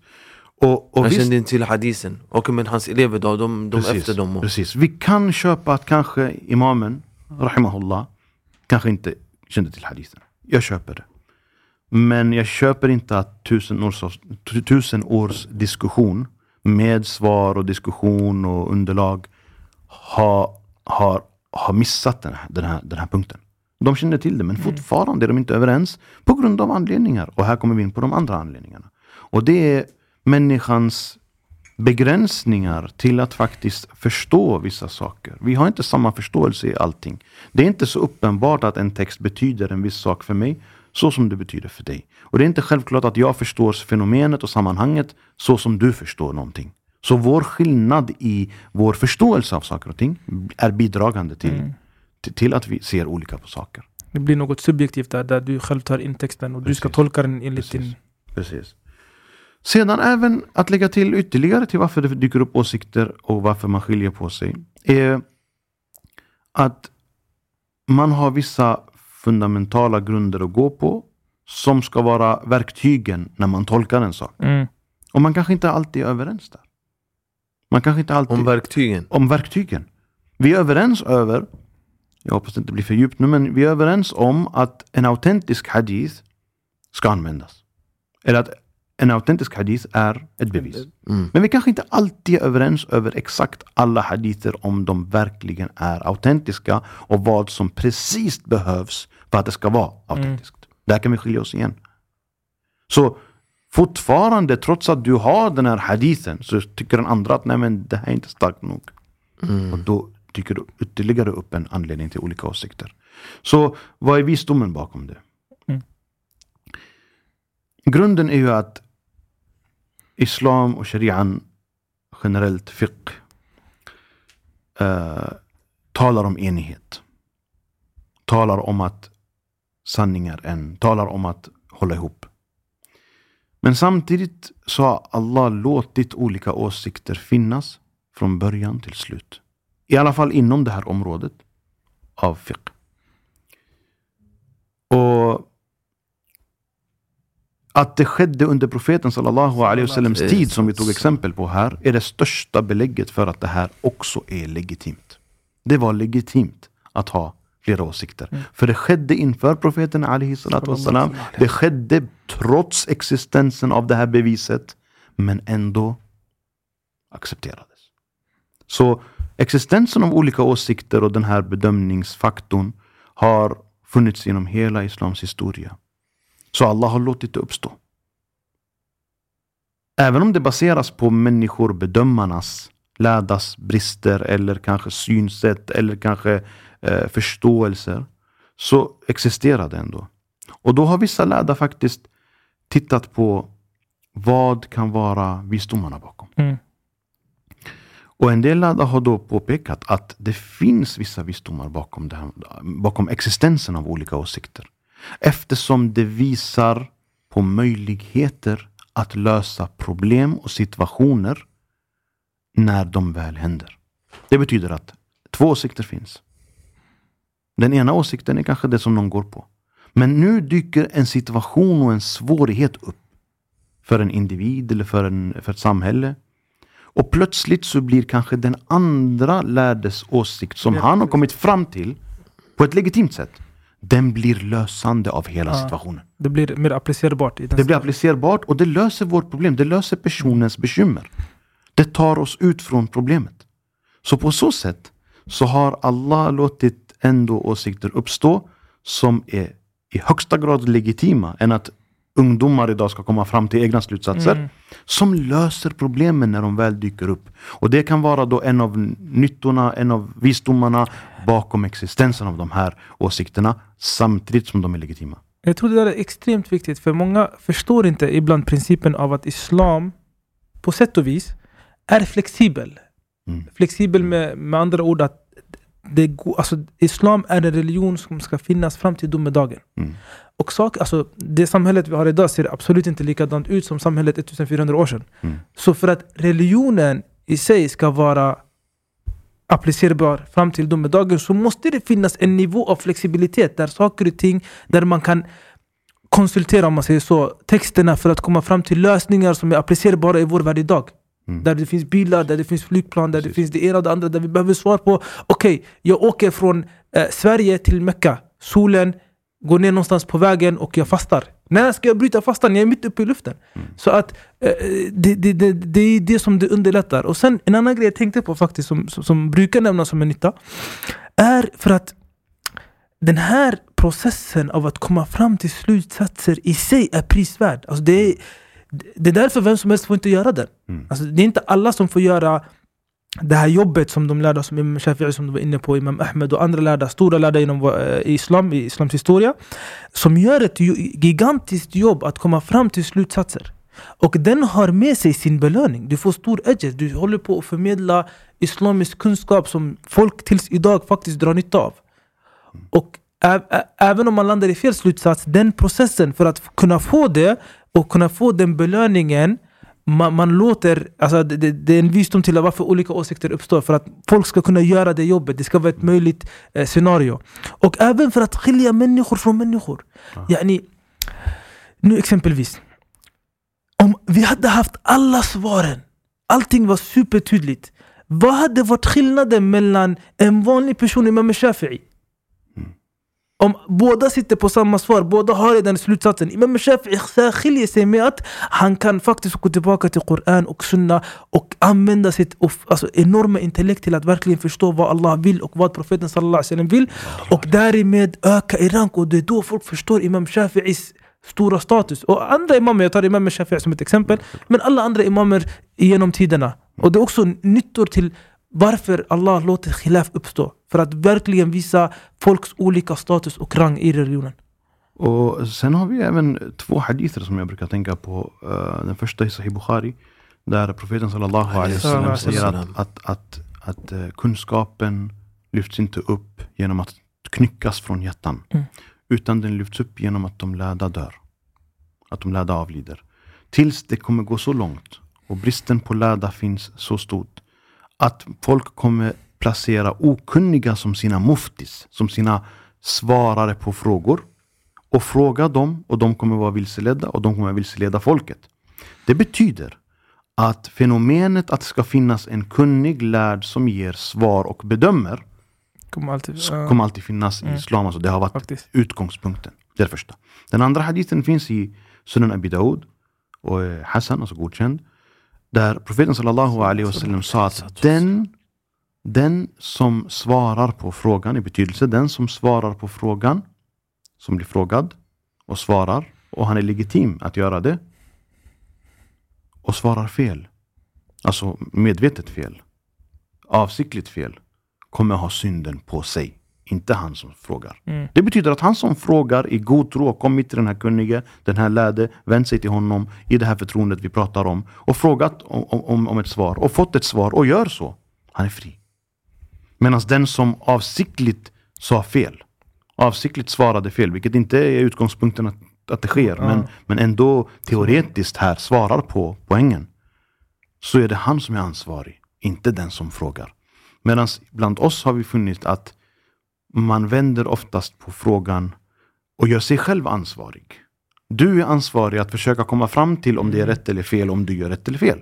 Medan hadithen här tyder på att han är ansvarig som svarar fel, i så fall som svarar. Det, det, det här är faktiskt en fråga som dykt upp. Det är flera som har tänkt så här, men tänk om jag följer fel eh, imams åsikt och sen på domedagen dyker upp och jag hade fel. Ah. Nej, men du har ju gjort det du har blivit beordrad till att göra i din situation. Det är att fråga de lärda. Och även teoretiskt, om vi bortser från självklart att det är det Allah vill av oss, det är det de, de här haditherna tyder på, det är det som Islam har gjort i, i, i 1400 år. Ehm, om vi bortser från det och bara tittar på teoretiskt vad det här innebär. Att alla som inte prickade rätt åsikt hamnar i helvetet. Ah. Då är det ganska illa. Ja. Men men många är extremt rädda för det där. Och det är, som jag sa innan, det är så här inre stress att man måste ha rätt åsikt. Annars kommer man straffas för det, även om man har frågat rätt person. Mm. Och det finns ett ganska vanligt arabiskt uttal som, eh, som folk säger, även om det kanske inte helt stämmer. Men det, den är känd och den, den har en grund av sanning i sig. Och det är att de brukar säga "Dha'ha ala raqabat alim takhruj salim. Mm. Lägg det på en lärds nacke så kommer du gå ut därifrån räddad. Och det finns en grund av att har du gjort det och har du följt det du ska följa då kom, även om det är fel, och det är det som folk inte förstår eller har svårt att greppa, även om det är fel, även om det skulle vara fel, Allah förlåter eller överser. För, för, för frågan av en sådan karaktär som det här är, du kommer aldrig riktigt kunna få reda på att det är fel. Mm. Det är inte självklart. Det är därför det är som det är. Det är därför det är olika åsikter och det finns lärda här, det finns lärda där, tusen år här, tusen år där. Men det är viktigt att vi då påpekar alltså att vi pratar om legitima, alltså lärda i religionen, inte bara fråga vem som... För idag, vi ska vara ärliga, vi måste inte nämna det idag, folk frågar vem som helst som bara har lite skägg, eh, pratar lite arabiska på TikTok, Instagram, vart de än befinner sig och folk kallar sig sheikh, höger, vänster. Det, det, det är väl där ditt ansvar ligger. Alltså, inte att ha rätt svar, men att fråga rätt person. Det är där du ska känna, alltså, istället för att läsa massa artiklar och försöka komma fram till korrekt åsikt själv, försök verkligen hitta en person som studerat islam på korrekt sätt, vars eh, svar på frågor är pålitliga och du har verkligen god tro på honom. Det är där ditt ansvar ligger. Och inte att komma fram till rätt slutsats. Mm, precis. Och, och eh, även kan vara viktigt att påpeka att det här innebär ju inte, och jag ser det som en varning, det här innebär inte den här diskussionen att det är fritt att välja åsikt och att det är ett buffébord och det bara gör som du vill. Det, det är inte riktigt det, det vad det handlar om. Det här handlar om respekten för åsikter, existensen av åsikter och existenser av olika slutsatser i fiqh-frågor. Där din uppgift är att i god tro, med uppriktighet och sanningsenlighet, att du verkligen menar allvar, ta reda på ett svar i god tro och med känslan att du har gjort ditt. Mm. Och den begränsar sig till att fråga den som du har tillit till, som är legitim att svara på frågan, och så är du fri. Har du gjort det med uppriktighet, med välvilja, så är du fri. Det betyder inte att jag får försöka komma undan saker genom att fråga vem som helst, eller någon annan, eller vända på saker och ting för att komma undan. För nu gör du det inte uppriktigt. Mm. Nu försöker du fiffla. Din uppgift är att vara uppriktig och fråga, men fråga den som är till, eh, pålitlig, fråga den som har legitimitet. Och där tar det slut egentligen. Sen, jag kan lägga till även att det är inget fel att studera. Men det är skillnad på att studera och värdera. Mm. För det många gör när de studerar fiqh, även som nybörjare, det är att de börjar värdera kunskaperna. Vad stämmer? Vilken är stark? Vilken är mest korrekt? Värderingarna, det är inte någonting du kan. Du har inte varken kunskaper, nycklar, verktyg för att klara av den här värderingen. Det är det som de här lärda, de här starka, kunniga i fiqh gjorde. Vad du kan göra är, du kan studera. Det betyder att du har frågat din tillförlitlige lärd eller rättsskola, eller hur vi ska formulera det. Och du kör på det. Sen kan du lära dig massa av vad som sägs och vem som säger vad. Men att du lär dig informationen betyder inte att du har rätten att värdera den. Jag brukar ta mig själv som exempel. Jag går på, i vissa frågor, en lärds eller en rättsskolas slutsats. Jag gör så, jag gör så och jag fortsätter göra så. Men genom min, min tid och min, min, min, min period i, i, studier, islamiska studier, har ju gett mig möjligheten att förstå, läsa, kunna hela diskussionen i princip. Så jag skulle kunna nämna motståndaren, den andra åsiktens alla argument. Eftersom jag har ju läst dem många gånger. Men bara vetskapen, kunskapen om argumenten ger mig inte rätten att värdera frågan på nytt. Ja, jag står för min åsikt och jag håller mig där och jag har tagit den i god tro och tillförlit till den jag följer eller frågar. Följ, du följer en viss rättsskola? Ja, jag utgår från att följa En viss rättsskola? Shafi rättsskolan. Det är för, för att vi har nämnt det här ordet nu flera Rättsskola, gånger. Rättsskola, rättsskola. Och, och jag är nästan bombsäker på att folk kommer att vilja fråga om de här frågorna. Okej, ni- du berättade om profetens tid, sallallahu alaihi wasallam, och sen var det sahabas tid, må Allah vara nöjd med dem. Ja, men eh, när dök det här andra? Alltså vad hände sen då, efter deras tid? Hur, hur dök de här rättsskolorna upp? För att jag tror muslimer generellt som är lite insatta i islam. Läser eller hör att det finns rättsskolor, alltså madhab, madahib. Och de hör de här sakerna, jag är hanafi, jag är shafi, jag är malik. De, de har hört det här, kanske från föräldrarna eller i hemlandet eh, Eller på nätet. Hur dök det här upp då? Om vi tar det vidare från Sahabas Ja. livstid och utvecklar det och går vidare till Tabi'ins livstid. Vilka är de? De, som, följde, de, nä, nä, nästa generation som följde följeslagarna. Mm. Tog kunskap från dem och, och, och fortsatte kunskapsflödet vidare i nästa generation. Eh, de utvecklade den här kunskapen ytterligare. Och det här är kanske en sak som är av det viktigaste att förstå när vi nu diskuterar hur det har gått till. Det är att förstå att kunskaper oavsett kategori har utvecklats med tiden. Kunskaper har inte lagts till. Det är inte som att vi har en ny kunskap 200 år senare som vi förut inte kunde. Rent teoretiskt är det inte det det handlar om. Vi använder samma källor, vi använder samma tankesätt, vi använder samma... eh, De som var innan oss är ju våra, våra förebilder här. Men det, det har skett en annan sak och det är utvecklingen av kunskapen till att kunna forma den. Till att kunna göra den tillgänglig, förstå eller studera den. Mm. Den utvecklingen sker. Och den sker i alla kunskaper. Den sker inom Koran. Tafsir utvecklas. Fler förklaringar blir kända. Tafsir är korantolkning Eh, folk blir duktigare inom att eh, kanske precisera, beskriva reglerna för när man läser Koran. Tajwid. Alla sahaba kunde tajwid. De kunde läsa Koran korrekt. Mm. Men de hade inte nun sakina och tanwin på papper. Men utvecklingen av kunskaperna gav de här reglerna. Man skrev ner dem, man gjorde det till en regel. De, den har alltid funnits, Mm. men nu blev det form på den. För nu ska man kunna lära den, förstå den, Underlätta för barn och vuxna. underlätta för samhället. Hadith. De berättar alltid hadith. Sahaba berättade hadith. Profeten sallallahu alaihi wasallam, han, sa sina ord och han förklarade. Han gav, gav, sina, gav, sina förklaringar. Och Sahaba radiallahu anhum tog dem och förklarade vidare. Och gav dem vidare. Så återberättning av hadith har alltid funnits. Men nu, nu blev det ett samhälle av hadith. Man började skriva ner. Man började göra samlingar av dem. Man började göra eh, spe, specifika platser, specifika cirklar, specifika eh, be, befattningar och, i samhället för att kunna lära ut de här haditherna. till och med böcker. Alltså, lär dig den först, sen Ja. den, sen där. Precis, man, man börjar bygga upp ett system. Man börjar lägga vikt vid att det ska ingå i en persons studium att lära sig hadither exempelvis. Mm. Och det är det han lägger tid på. Så gjorde man inte förut. Förut kunde man dem om man hörde. Om man, men nu har man gjort ett system av det. Okej. Fiqh också gick igenom en sådan utveckling.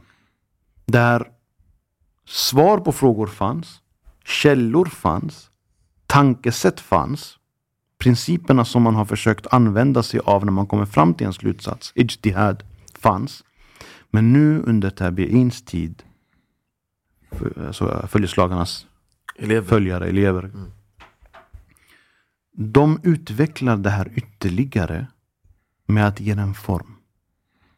Man börjar till exempel skriva ner Sahabas uttalanden i fiqh-frågor. Nu, nu, nu blir det plötsligt viktigt att i den här frågan om det här bryter wudu eller inte, börjar man skriva ner, han säger så, han säger så, han säger för att, för, att, för att få form på det här. Det fanns inte innan. Så utveckling av kunskapen har funnits för att kunna, för att kunna eh, precisera den här kunskapen. Och, jag vill lägga till, Allah har låtit Ibn Rajab näm- nämner det här i en av sina böcker, att Allah har låtit den här utvecklingen ske. I hadith på det här sättet, i Koran på det här sättet, i fiqh på det här sättet. För att bevara kunskapen. Det är så genom denna utveckling som kunskaperna har lyckats vara kvar och bevaras i den här umman. För utan det här systemet, utan formgivandet, utan utvecklingen, det hade inte kunnat vara kvar. För det hade inte kunnat bemästras. De bemästrade det för att de var med profeten sallallahu alaihi wasallam. Folk efter, ef- efter dem var inte det. Så de behövde bemästra kunskaper på ett avancerat sätt. Och det här form, formgavs av, av, av den här utvecklingen. Så, så en av miraklerna vi har i islam är hur Allah har låtit det här formges. Hur utvecklingen av kunskapen har skett. Så fiqh och hur man kommer fram till slutsatser, slutsatsernas bevaranden, tankebanan att vi behöver svar på frågor, det börjar utvecklas här. Så det, alltså, jag vill bara säga. Det, det Sahaba radiallahu anhum fick saliqaten som du brukar säga naturligt. De Mm. kunde det arabiska språket naturligt. De förstod delalat al-alfad som det heter på arabiska. Vad de olika fraserna betyder och vad de indikerar på. Det fick man nu lära ut och det, var, och det är lite därför behovet fanns att utveckla kunskapen. För att nu vi behöver... Det, vi, alltså det Sahaba kunde naturligt Mm. behöver vi nu lära ut till folk som inte kanske kan det naturligt. Och det är väl det, alltså jag tror det första man började göra var väl att skriva ner arabiska språkets principer. Så att det här är lite som du säger, har hänt genom, i alla kunskaper. Yani, araberna på, på den tiden behövde inte i'rab, som det heter på arabiska. Eh, De behövde inte de, eh, eh, vad heter det, Grammatik. grammatiken. De hade grammatiken i fickan, de kunde den in och ut. De behövde inte eh, principer för att kunna, eller tankesättet som Sheikh Imran säger, för att förstå hadither eller verser. För de kunde det, det var deras språk, det var deras profet sallallahu alaihi wasallam. De satt man dagen ut. Men nu för att, som säger, för att bevara den här kunskapen och för att föra den vidare, det finns ett behov av att utveckla och få fram Alltså gjorde man typ institut, eller skolor, eller cirklar, eller, eller man lärde ut i moskéer där folk fick gå och lära sig så här, här lär vi oss hadith, här lär vi oss fiqh. Uh, under den här perioden, under Tabi'ins tid i sig, så var inte fiqh fungerande än på det sättet. Däremot så hade man på de olika platserna i de olika städerna utsatta personer som fått den legitimiteten att svara på frågor. Muftis. Det fanns platser, det fanns eh, Vilka var de här kändaste typ, platserna? Och, Eh, de kändaste platserna självklart, vi har Medina som ett exempel. Profeten sallallahu alaihi wasallam stad. Vi har Kufa som exempel dit Ali ibn Abi Talib flyttade huvudstaden. Eh, och eh, speciellt då att med tanke på att över, över 300 sahaba flyttade dit med, med att huvud- huvudstaden flyttade dit så blev det en ganska stor koncentration av kunskaper i Kufa. Vilket också samtidigt var en, en, en ny plats. Man, man hade placerat sig geografiskt på en plats som har kontakt med annat omkring sig. I Medina så är man i Medina. Det är profetens stad och det, det är lugnt och fint. Och man brukar nämna som ett, eh, som ett, eh, som, som, som ett signum för Imam Malik, rahimahullah, exempelvis, att han, han aldrig rest utanför Medina, för han behövde inte det, han är ju Medina. mm, alla kommer dit. Alla kommer ju dit, eh, så att, så att han, han mår bra där. Och, och sen brukar man säga att det har aldrig fun- dykt upp en liksom villfarelse, innovation i Medina, för det är ändå Medina. Mm. Men utanför Medina nu, som till exempel i Kufa i Irak, dit huvudstaden flyttades, där har man plötsligt kontakt med annat folk, med minoritet, med, med, med, med la, landsgränser, med eh, politik, med många saker som dyker upp. Vilket också då bidrar till nya situationer. mm, och som kräver nya svar, Som eller kräver som nya- kräver som ny kräver nya diskussion. Yes, som kräver nya svar. Som då också utvecklar den här kunskapen ännu mer. Allah. För nu måste vi sätta hela den här kunskapen vi har pratat om. prov. Vi måste sätta den på prov nu. Vi måste göra institutioner, vi måste göra lag av det här. För att det ska fungera. Så man hade Medina, Kufa och Mecka. Vi har Mecka också, söder om Medina. Vi hade även i Egypten, hade vi institution Levanten. där också, Levanten där. Sham, Levanten. Sahaba, alltså följeslagare eller deras elever som började. Ja, precis, precis. Men det är lite som Sheikh Imran säger att de, de största Mm. de, de, skolorna, om man ska säga så, det det är väl Hijaz, som är ett samlingsord för Mecka och Medina, Mm. och Kufa. Mm. Och varför? För att här var eh, här är Hijaz, det är Mecka och Medina så det blir lite självklart. Och Kufa är för att så många av Sahaba kom dit och eh, bosatte sig där. Mm. Alltså du har exempelvis Abdullah ibn Mas'ud som är ett berg av kunskap. Mm. Profeten sallallahu följeslagare. Eh, Ali Ali, ibn Abi Talib. Mm. Abu Musa al-Ash'ari. Alltså det, det är ganska stora namn. Mm. Och de alla valde att bosätta sig. Eh, Abdullah ibn Mas'ud blev typ ditskickad av Umar radiallahu anhu när eh, de skulle bygga stad. Eh, de skulle bygga staden från början. Och det var då eh, Umar radiallahu anhu skickade dit Abdullah ibn Mas'ud som lärare. För han insåg behovet av att okej nu ska vi bygga en ny stad här. Mm. En av de viktigaste sakerna vi behöver är någon som lär ut. Och då skickade han dit Abdullah ibn Mas'ud som Mm. deras lärare. Eh, och det, det, det är lite därför ibland man kan glömma i den här tidsperioden då de andra platserna som muslimerna faktiskt styrde över Mm. just för att de här två, särskil- de här två ställena särskilde sig med det- den stora mängden av sahaba som bodde på de platserna och sen lärde ut så det blev kunskapscentrum Mm. man kan, så, så, så, som man kan säga. Så, så fiqhmässigt så var det så att man hade personligheter, man hade individer som givits rätt att ta den här rollen. Att svara på frågor och ta beslut. Det är väl under den här tiden så långt som det här kom. Sedan går vi vidare till nästa generation egentligen. Tabi'ins eh, Elever. Där nu... Så vi hade först profeten sallallahu alaihi wasallam, sen sahaba, må- äh, följeslagen, må Allah vara nöjd med dem. Sen deras typ elever, Mm. må Allah vara nöjd med dem. Och sen nu deras elever. Deras elever, precis. Okej. Och här, när de, när de här två generationerna möts, så är det här våra kändaste imamer som vi oftast kommer i kontakt med när det kommer till fiqh, då de fyra rättsskolorna, de fyra imamerna, Imam Abu Hanifa, Imam Malik, Imam Shafi och Imam Ahmed rahimahullah. För det är de här jag tror många hör om mest. hör. Om, jag skulle, om vi skulle droppa lite namn från Tabein, kanske folk inte känner till. nej. Men just de här namnen är, de är världskända, alltså i muslimska, utanför muslimska världen också, men just i den muslimska världen. Och det här är då också intressant att tänka på att de är ju inte mer unika än de innan dem. De här är inte mer unika än, än lärda innan dem. Mm. Utan tvärtom, lärda innan dem var, var, var, respekteras ytterligare och ännu mer. De, för de är närmare profeten sallallahu alaihi wasallam. De, alaihi de, wasallam. de har direkta, direkt länk med profetens sahaba och så vidare. Eh, så att det ger ju en förträfflighet i sig. Men återigen så måste vi balansera vår syn på utvecklingen med behovet av utvecklingen Allah låtit ske för att bevara kunskaperna. Och då, under den här tiden, nu byggs institution av fiqh upp på riktigt. Där man börjar skriva ner texter, lagböcker så att säga, där man har svar på frågorna. Fiqhböcker yani. Fiqhböcker, ja. Fiqh-texter som till exempel Mohammed bin Hassan al-Shaybani, Imam Abu Hanifas elev, Mm. hans, hans uh, al-Asl eller hans al-Mabsut eller Zahir al-Riwaya. Eh, där, där faktiskt han anses, han eller även Abu Yusuf, Imam Abu Hanifas elev, uh, al-Khiraj. Uh, alltså anses vara de första böckerna på det här sättet där man, där man skriver Mm. domarna. Det här är nästan, alltså för att vara lite...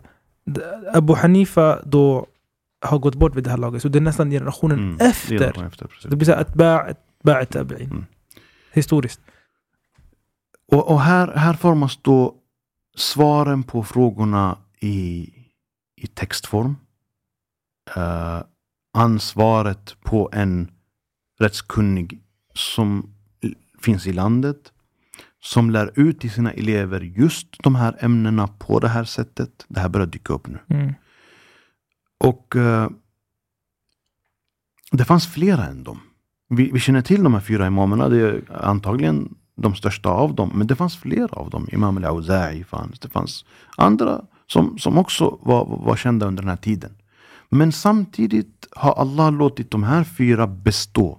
Han har låtit deras, deras elever bevara åt dem deras synsätt, deras svar, deras tankebanor, deras principer de har grundat sina svar på. Mm. Det har alla låtit vara kvar och det har begränsats till de här i grund och botten eftersom det var det som bevarades. Nu kan det vara en slump att det bevarades. Men om vi tittar på utformningen av, eh, av kunskaperna från början till, till nu så ser vi att det finns ett mönster av utveckling som har varit nytta för muslimerna. Då har också den här begränsningen till att begränsa kunskaperna till dessa rättsskolor, dessa imamer, dessa berg av bevarare har varit även det en nytta för muslimerna. För tänk om vi hade haft 40 skolor, 45. Ja, det. Det, det, det hade inte varit hanterbart antagligen. Och det man kan säga är att vad den här tiden åtminstone särskiljer sig det är att man börjar nu förstå vissa områden och vissa personers nyckelroller. Det, var inte, det finns många som svarar på frågor. Det var, fanns många andra lärda förutom de här också. Men det började byggas upp en form av ett intresse för att veta vad just de här fick lärda säger. Det fanns en koncentration kring deras skolor. Du säger Abu Hanifa, Hanifa, Imam Malik, Imam Shafi, Imam Ahmed. Det, de, de, de, de, blev, de blev lite unika, de blev avgörande, de blev, de blev intressantare. För att man kände varför? Man kände en starkare legitimitet. Mm. Det har ju sina orsaker. De har sina orsaker, finns en legitimitet där, finns en, finns en grund, finns en länk, finns en, en, en anledning till, till, till varför de här fick en sån stor roll. Det var inte så att de ville ha den här rollen, Nej. men Allah har låtit det bli så. Och intresset kring dem och deras slutsatser och att det bevarades och att det skrevs ner och att det har ut, utarbetats var unikt för den här tiden. Så har då de, dessa skolor byggts och bildats i, det, i, i skuggan av dessa imamer. Och det man kan säga då därefter är att när vi säger rättsskolor, när vi pratar om de fyra skolorna, som är de som är kvar, som är de som bevarades, som är de som blev störst, som är de som hade den här rollen. Så måste man samtidigt också komma ihåg att när vi pratar om skolorna så pratar vi inte om enbart en imam. Därför det här är en, en, en föreställning som jag har märkt att många har. Jag tror det här är extremt viktigt att yani, tydliggöra. Att, vad, är det, vad är en rättsskola? Mm, ja. Och kanske, jag tänker det finns de som hör det här för första gången. Mm. De här fyra rättsskolorna, kanske du kan nämna namnet på dem. Mm. Och imamen bakom. Och. Kort. De här fyra rättsskolorna är Hanafi rättsskolan, Maliki rättsskolan, Shafi'i rättsskolan och Hanbali rättsskolan.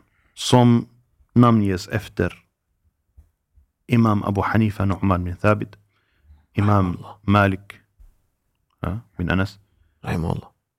إمام محمد ابن إدريس الشافعي رحمه الله أو إمام أحمد بن حنبل. رحمه الله الجميع. سم هادين ستور رول افيرند رول أو انورما كونسكابر إلى فلتت Vad بتيدر مذهب؟ Vad بتيدر uh, آه، rättsskola? Madhab betyder egentligen ma dhahaba ilayhi al-mujtahid fil ahkam. Alltså det som en imam, en lärd inom fiqh har tagit som slutsats i en ijtihad-fråga. Var, var, varför är den här definitionen intressant? Det finns olika definitioner om man ska vända och vrida på det, men det här var en simpel definition. Det är att vad som beskriver en rättsskolas roll och existens är egentligen att det hela handlar om ijtihad-frågor. Vi, vi fast, ingen fastar 30 dagar eller 29 dagar i Ramadan för att Imam Abu Hanifa sa det. Det är inte därför någon fastar. Mm. Och det är inte, det är inte därför någon gör hajj. Så här, jag, jag följer Imam Abu Hanifas madhab. Ja, det är inte därför du betalar zakat. För det är inte madhaben som lär dig betala. Det där är islam, det där är självklarheter. Det där är fundamentala grundkoncept. Så madhabens roll är Så madhabens roll är egentligen att ha samlat denna individ eller denna så att säga grundares slutsatser inom ijtihad-frågor. Där det finns en legitimitet att bedöma. Så bara imamen, den, alltså Mm. grundaren, eh, Nej, självklart inte. Skolan är inte baserad på endast imamen. Imamen, som är den som den tillskrivs, har en unik roll eftersom man har gått på den personens, den imamens principer, grunder, tankesätt och riktlinjer. Därför så kan man säga att den tillskrivs den, imamen. För att man har litat på den här imamens tankesätt, tillvägagångssätt, grundprinciper och syn på hur fiqh ska förstås. Så imamen typ säger jag, ni ska jobba så här. Ni ska Mm, behan- handskas med fiqh så här och så har man gjort så inom själva rättsskolan. Precis, precis. Annars, rättsskolan i sig själv, det är en skola. Mm. Det är en, det är en, det är en institution. Det är imamens riktlinjer och starka elever, ungefär på samma nivå. Som tillsammans, via dialog och diskussion och kunskap, kommer fram till en respektive slutsats som man anser gäller enligt dessa riktlinjer. Så det här är egentligen riktigt djupt. Alltså riktigt, riktigt djupt. Exakt. Det baseras på så mycket saker. Att, att, att ha bilden att så här, jo men uh, Hanafi madhaben säger ju så här. Det betyder att eh, det, det är inte Imam Abu Hanifa som har suttit eh, på Själv, en ja, s- exakt. söndag kväll så här, i soffan och sagt Nej det här är, det här är, en, det här är en hel skolas Så synsätt. utarbetat, utarbetat Och, svar. och lägg till på det att de har levt kvar i dessa tusen år och dessa slutsatser bevarats, Gått igenom. bearbetats, diskuterats och hanterats. För, för bilden man får ibland, eller man fick förut kanske innan man började studera, är att det här är Shafi'iyas åsikt. Eller det här är Imam Shafi'is åsikt. Man förstår inte hur många lärda som ställer sig bakom den åsikten. Utan man tror att ah, eh, den lärde har den åsikten, den lärde har den åsikten. En, två, tre personer, Imam Shafi'i har den åsikten. Att det, man pratar lite som att det är tre personer vi har att göra med. Men när du tittar på Imam Shafi'is rättsskola, det är flera hundra imamer bakom. Och, och, och det kan ibland leda till en viss orättvisa i, idag. Av antagligen okunskaper. Att man så här man nämner någon lärd i vår tid och, så, så, så, och, och, och Abu Hanifa också sa men du vet. Och, inte för att en bedömning kan göras. Men man får inte glömma respekten för vad det är du pratar om nu. Du Mm. pratar om imamer, deras skolor, deras elever, deras utarbetade system som Allah har låtit vara kvar, som har bevarats i tusen år, diskuterats, hanterats. Det kan du inte bara putta på och säga jo men han säger och han säger. Utan det kräver en viss respekt. Även om jag säger samtidigt att visst en värdering kan alltid ske. Men det är den här respekten ibland som försvinner. Eftersom man ser det som en Mm. enstaka persons roll som har skett en enstaka gång. Det här är kanske frågor de diskuterade tillsammans flertal gånger. Och här, vill jag nästan lyfta en annan sak som, som är lite kopplat till det. Det är när, när man pratar om majoritetens åsikt Mm. kontra. En eller två eller tre individer. För här blir det också ofta fel. Mm. Att eh, Vi pratade lite om att man ska följa bevisen och man ska följa sanningen och man läser en artikel där en imam har kanske klargjort en fråga på ett visst sätt. Sen har du ju att det faktiskt går emot majoritetens åsikt. Jag säger inte att majoritetens åsikt är alltid rätt. Men det ska, och det här var något som påverkade mig ganska mycket när jag läste en av de lärdas uttalande. Att han sa Gå inte emot majoritetens åsikt förutom om du har ett bevis som är lika tydligt som solen. Det vill säga att det ska ganska mycket till för att man ska ställa sig på fel sida om man säger så. Um, så om du kan... Uh... Mm. Det, det, det första att säga är att, att, att även eh, förståelsen av majoriteten i sig själv är väldigt subjektiv den också. Vilket många inte tänker på eller har koll på ibland. Så majoriteten. Pratar vi om tre mot fyra idag?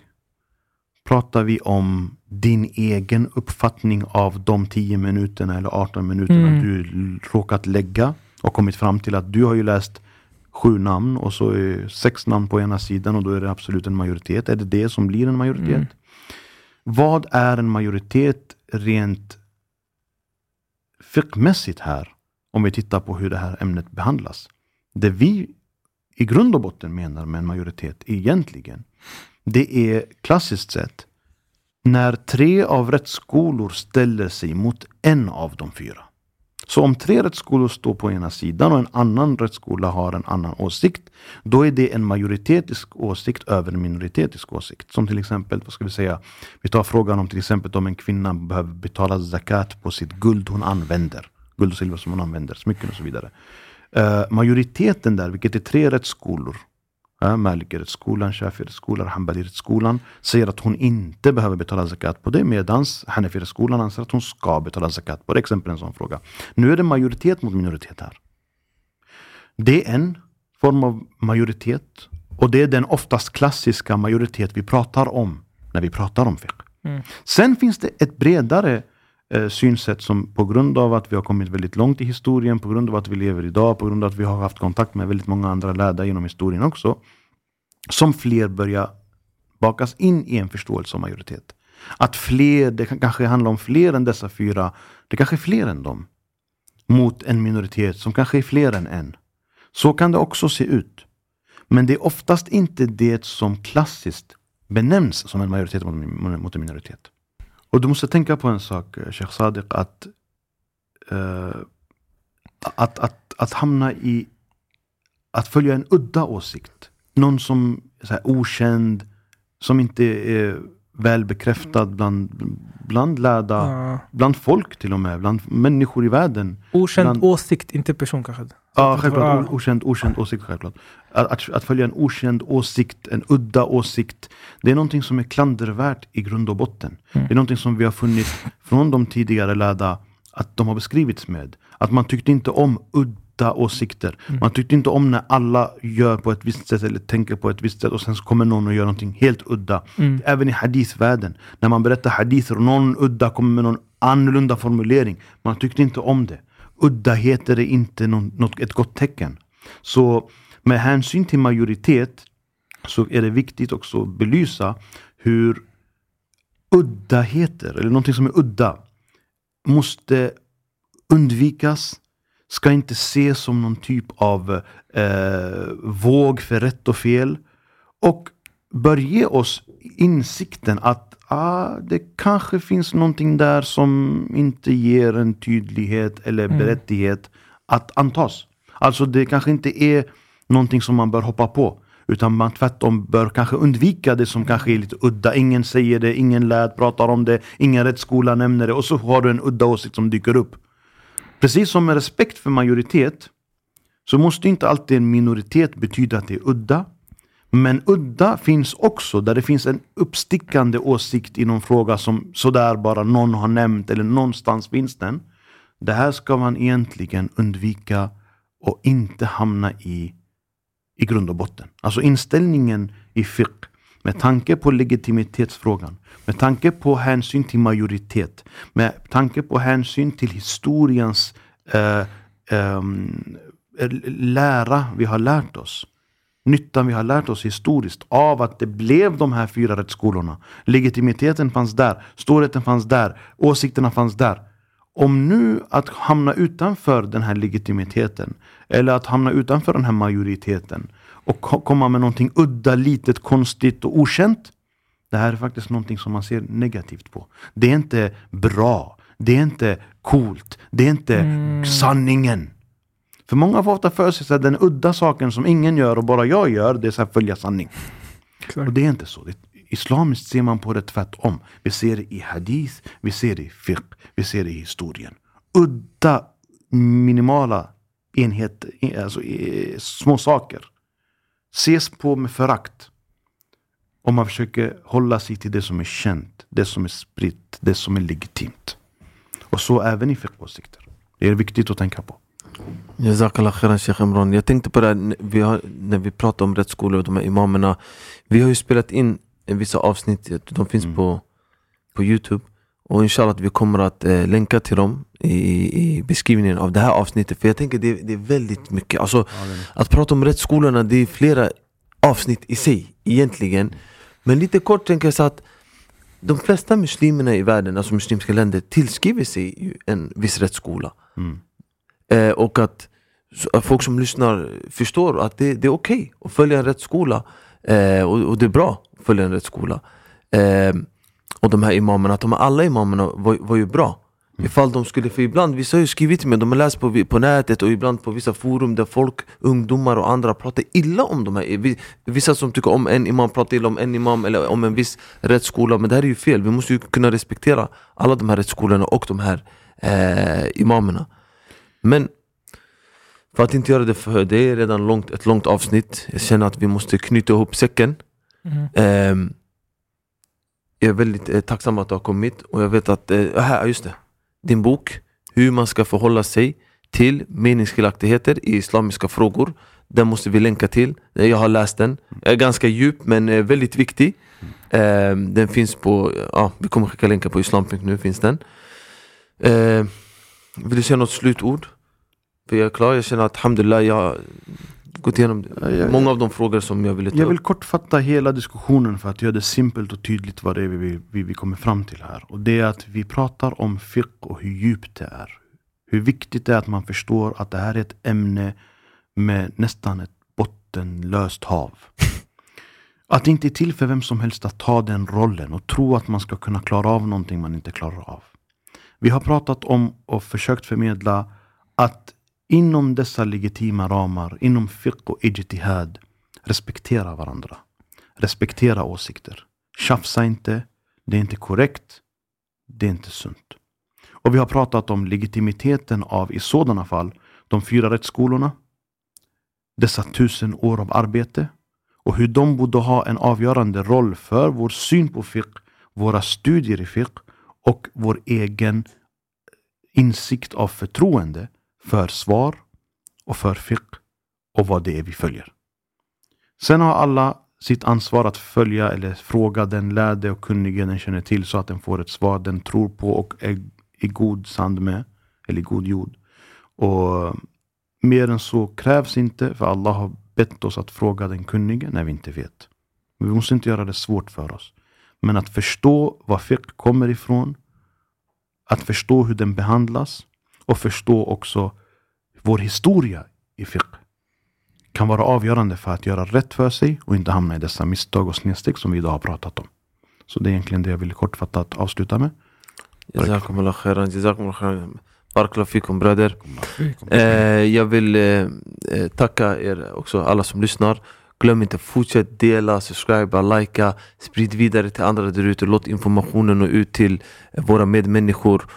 أوكي وسبحانك اللهم وبحمدك أشهد أن لا إله إلا أنت أستغفرك وأتوب إليك والسلام عليكم ورحمة الله وبركاته. الذين آمنوا وتطمئن قلوبهم بذكر الله ألا بذكر الله تطمئن